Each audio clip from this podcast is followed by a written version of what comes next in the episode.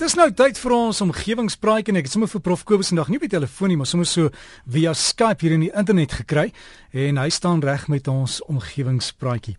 Hallo Kobus. Goeiemôre Derek, môre al ons omgewingsvriende. Vanoggend begin ek met opwindende nuus van een van die groot Duitse motorvervaardigers wat onlangs berig het dat hulle in samewerking met Global Bioenergies daarin geslaag het om 100 oktaan petrol te maak uit plantmateriaal wat die eerste in die wêreld is. Hierdie petrol het geen olie of gas of steenkool as grondstof nie en dit bevat geen swaal of benseen nie.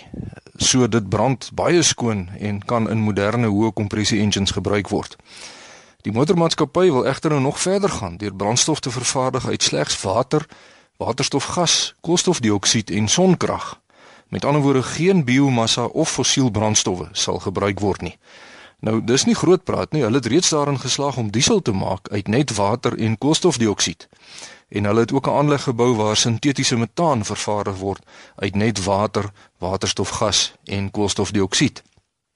Nou as hierdie motorvervaardiger hierdie droom van hulle kan verwesenlik, dan sal dit natuurlik pyknuus wees vir die omgewing en spesifiek vir klimaatsverandering, omdat koolstofdioksied juis een van die groot probleemgasse is wat klimaatsverandering veroorsaak. In 'n ander artikel lees ek dat navorsers van die Amerikaanse Departement van Energie dit reggekry het om 'n mikrobe te skep deur middel van genetiese manipulering wat die vermoë het om diesel te maak uit koolstofdioksied en waterstofgas.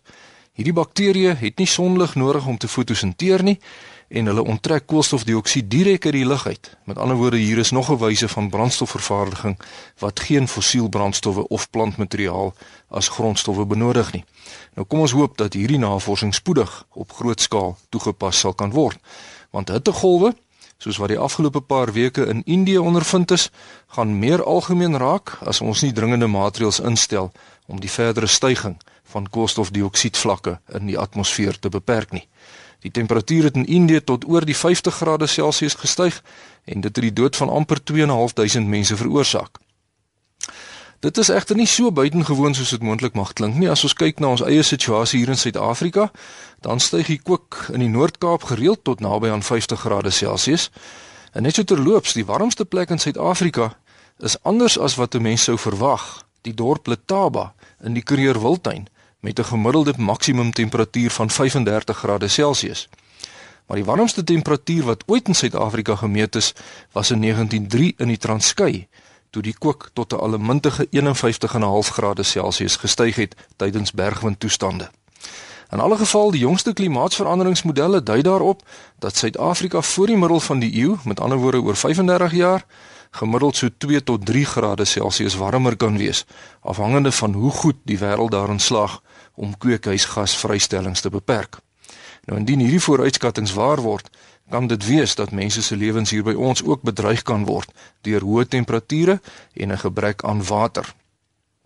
Ek lees egter dat die stad uh Chicago sedert 2001 navorsing doen op hulle stadsaal se dak om uh, te kyk hoe hulle bloedige sonskyn op 'n dak kan uh beperk sodat die geboue se binnekante nie beduidend warmer word in sulke verskriklike temperature nie.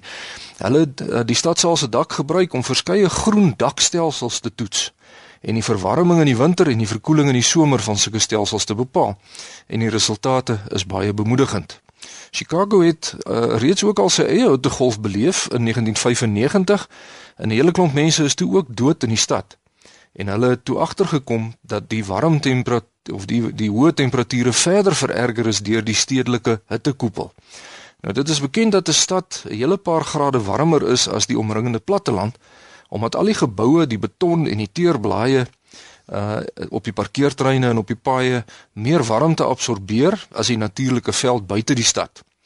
Nou 'n uh, addisionele probleem in Chicago was dat hulle stormwaterstelsels heeltemal oorlaai was omdat omtrent niks van die water as dit reën nou in die grond geabsorbeer word nie, maar alles loop dadelik af van al die ondeurdringbare oppervlaktes, soos die dakke, die parkeertreine en die paaie. Nou hulle het toe twee vliee met een klap probeer slaan en dit ook reg gekry deurdat al hoe meer dakke nou verander word in tuine. Die navorsing wys dat op 'n dag waar die temperatuur 23 grade Celsius is, die dak se temperatuur as dit nou 'n tuin is, presies dieselfde is, met ander woorde ook 23 grade Celsius. Maar die ou geboue, as die dak nou met swart teer behandel is om hom waterdig te maak, dan styg daai dak se temperatuur tot amper 70 grade Celsius. En selfs as mens die dak wit verf, sal die temperatuur nog steeds 43 grade Celsius wees al is die die uh dis nou die dak se temperatuur al is die lugtemperatuur net 23 grade Celsius. Nou benewens die voordele met betrekking tot 'n koeler uh temperatuur in die somer, lewer groentuine op dakke ook skoner lug en dit absorbeer 'n deel van die reën sodat die stormwaterstelsels nie langer oorlaai word nie. Nou verder is die tuindakke ook beter geïsoleer in die winter sodat die hoeveelheid energie wat nou nodig is om die gebou te verhit baie minder is. En dis duidelik dat tuine bo-op geboue se dakke in stede iets is wat baie sterk aangemoedig moet word.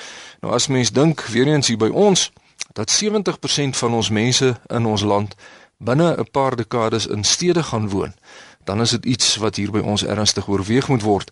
En dan natuurlik ook tesame met die konsep van vertikale plase.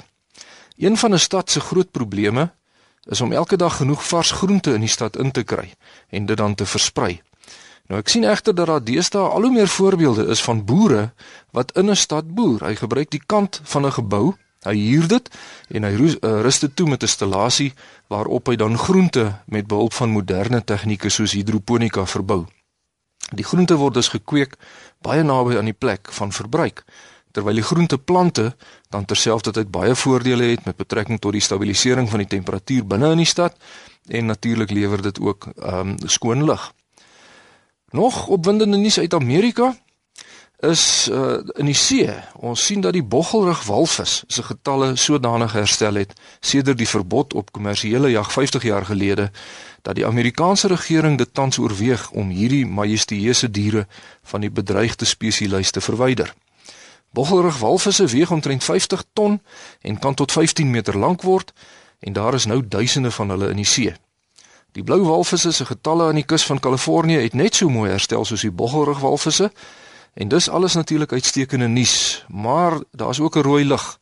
Die probleem is dat die walvisse se getalle nou gaan aanhou styg en dit kan wees dat hulle naderhand hulle eie voedselbronne sal begin oorbenut baie soos wat met olifante of robbe gebeur as hulle getalle nie beheer word nie sodat die arme goed naderhand van die honger doodgaan. Daar sal dus baie deeglike moniteringsprogramme ingestel moet word sodat die walvisse se getalle baie goed beheer kan word en daar moet dan ook sorg gedra word om die visbronne nie te oorbenut nie want die see is lank nie meer ongerep nie en daarom sal die mens maar 'n wakende oog hieroor moet hou. En omgewingsvriende daarmee af te sluit 'n bietjie nuus uit Nederland waar 'n spesiale fietspad buite Amsterdam onlangs geopen is. Nederland is bekend vir sy fietsse en fietspaadjies is nie 'n vreemde verskynsel nie. Maar hierdie nuwe fietspaadjie is gebou uit sonpanele wat elektrisiteit opwek en dan terugvoer in die elektrisiteitsnetwerk in. Nou dis vernuftige denke want Holland is klein en daar is nie eintlik plek vir sonpanele nie en almal ry in alle geval fiets. So nou slaan hulle in hierdie geval ook twee vliee met een hoë tegnologie klap. Omgewingsvriende, daarmee sluit ek af vir oggend. Skryf gerus vir my by kobus.vanderwalt by nwu.ac.za of by die fakulteit Natuurwetenskappe Noordwes Universiteit Potchefstroom 2520. Ek hoop u hou 'n heerlike lang naweek en vriendelike groete tot 'n volgende keer. Dankie Kobus, sommer so via Skype. Hy tegnologie maak dinge deesdae so maklik. Sit hy daar met een van hierdie stukkies net Kobus, so so by oor en hier voor die mond die mikrofoontjie en dan praat hy so met ons. As jy vir Kobus wil e-pos, is Kobus met 'n K, kobus.vanderwalt by nwu.ac.za.